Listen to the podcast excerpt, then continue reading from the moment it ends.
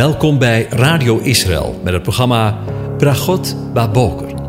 Een kort ochtendprogramma waarin een gedeelte uit de Bijbel wordt gelezen en besproken. Met Bragot Baboker wensen onze luisteraars zegeningen in de ochtend. Presentator is Kees van de Vlist.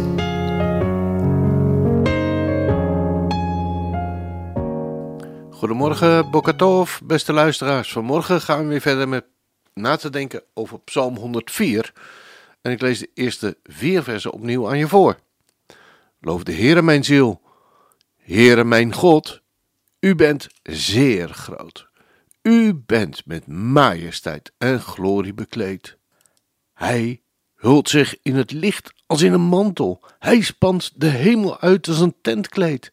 Hij maakt de zoldering van zijn hemelzalen op de wateren maakt van de wolken zijn wagen, wandelt op de vleugels van de wind.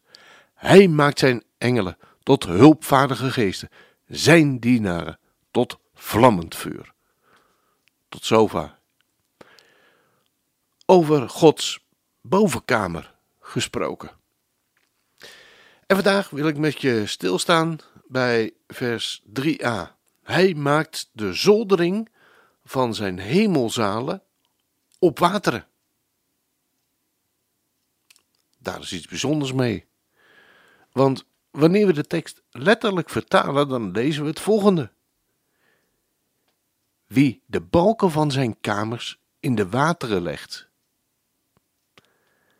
Het beeld dringt zich op wat God als het ware zijn bovenkamer maakt en de balken precies op elkaar laat passen en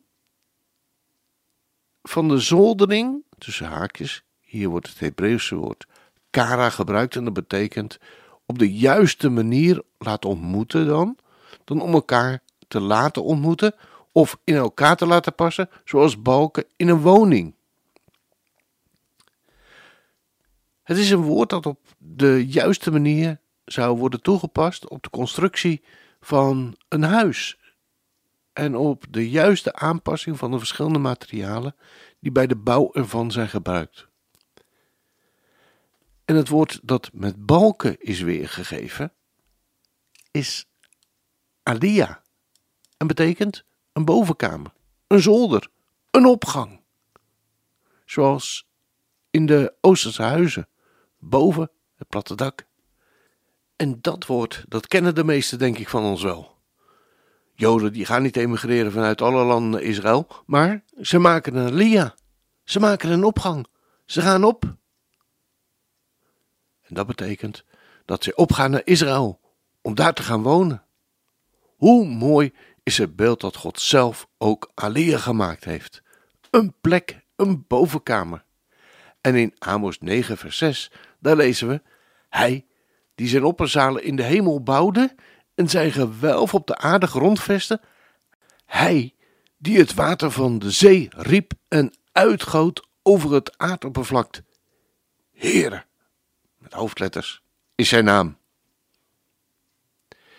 Het verwijst hier naar de kamer, de verheven verblijfplaats van God, alsof hij verheven is boven alle andere geboden, gebouwen of boven de wereld.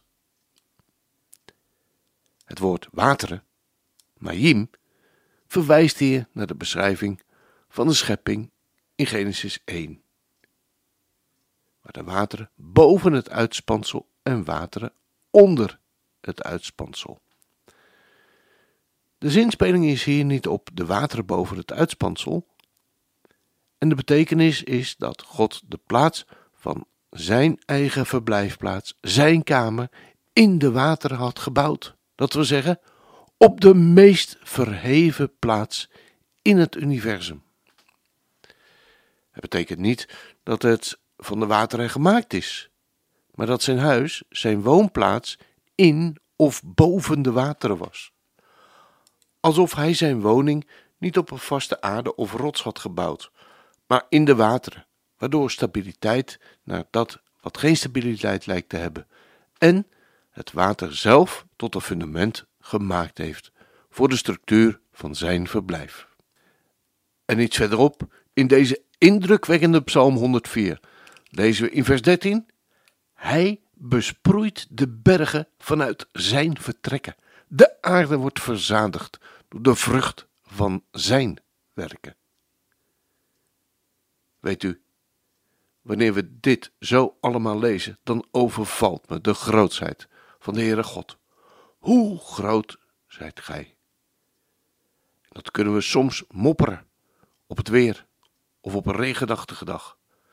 Maar laten we elkaar de volgende dag, wanneer het regent, elkaar eraan herinneren. Hij besproeit de bergen vanuit zijn vertrekken. De aarde wordt verzadigd door de vrucht van zijn werken. Als dat geen zegen is. O Heer mijn God, wanneer ik in verwondering de wereld die u hebt voortgebracht, het sterrenlicht, het rollen van de donder, heel het heelal, dat vol is van uw kracht, dan, ja dan, zingt mijn ziel tot u, o Heer mijn God. Hoe groot zijt gij? Hoe groot zijt gij? Dan zingt mijn ziel tot u, o Heer mijn God. Als ik bedenk hoe Jezus zonder klagen tot in de dood gegaan is als een lam, sta ik verbaasd dat Hij mijn schuld wou dragen en aan het kruis mijn zonde op zich nam. Dan zingt mijn ziel tot u, o Heer mijn God, hoe groot zijt gij. Als Christus komt, binnenkort, met majesteit en luister, brengt hij me thuis. Hoe heerlijk zal dat zijn. Dan zal ik vol aanbidding voor hem buigen en zingt mijn ziel. O Heer, hoe groot zijt gij. We gaan luisteren naar een live uitvoering van Krees Kainoord. Het is een uitvoering waarin hij buiten in een winkelcentrum, te midden van allerlei winkelende mensen, als het ware oproept om de Heere God de lof toe te brengen.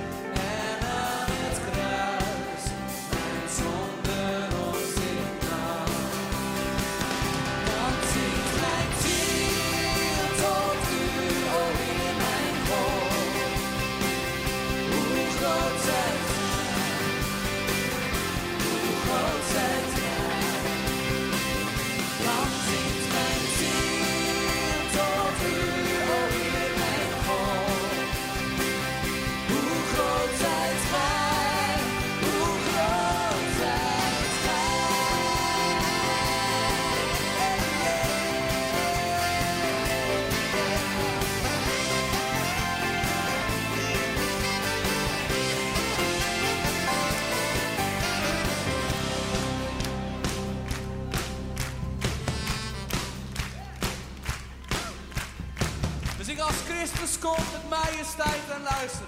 Brengt hij mij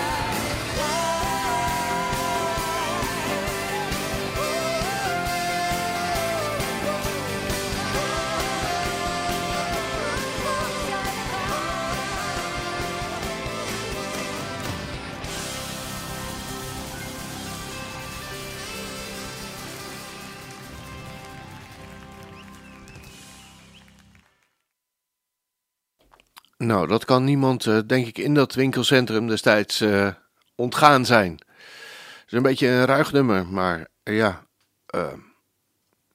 het, zij, het zij vergeven. Want, weet je, we kunnen nooit te enthousiast zijn om de Heere God te loven en te prijzen. Ook, ook deze morgen. Hoe groot en wat een geweldige God hebben we toch? Laten we Hem elke ochtend daarom de lof, de dank en de eer brengen. En eh, nou, wat mij betreft mag dat luidkeels hoor. Dan eindigen we deze uitzending weer zoals we gebruikelijk zijn. Met de zegen van de Heere God. De Heer zegene en hij behoedt je. De Heer doet zijn aangezicht over je lichten. De Heer verheft zijn aangezicht over je en geeft je zijn vrede, zijn shalom. Amen.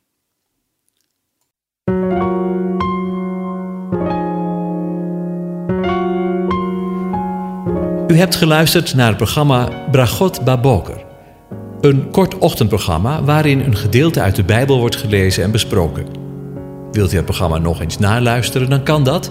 Ga naar radioisrael.nl en klik onder het kopje radio op Uitzending gemist.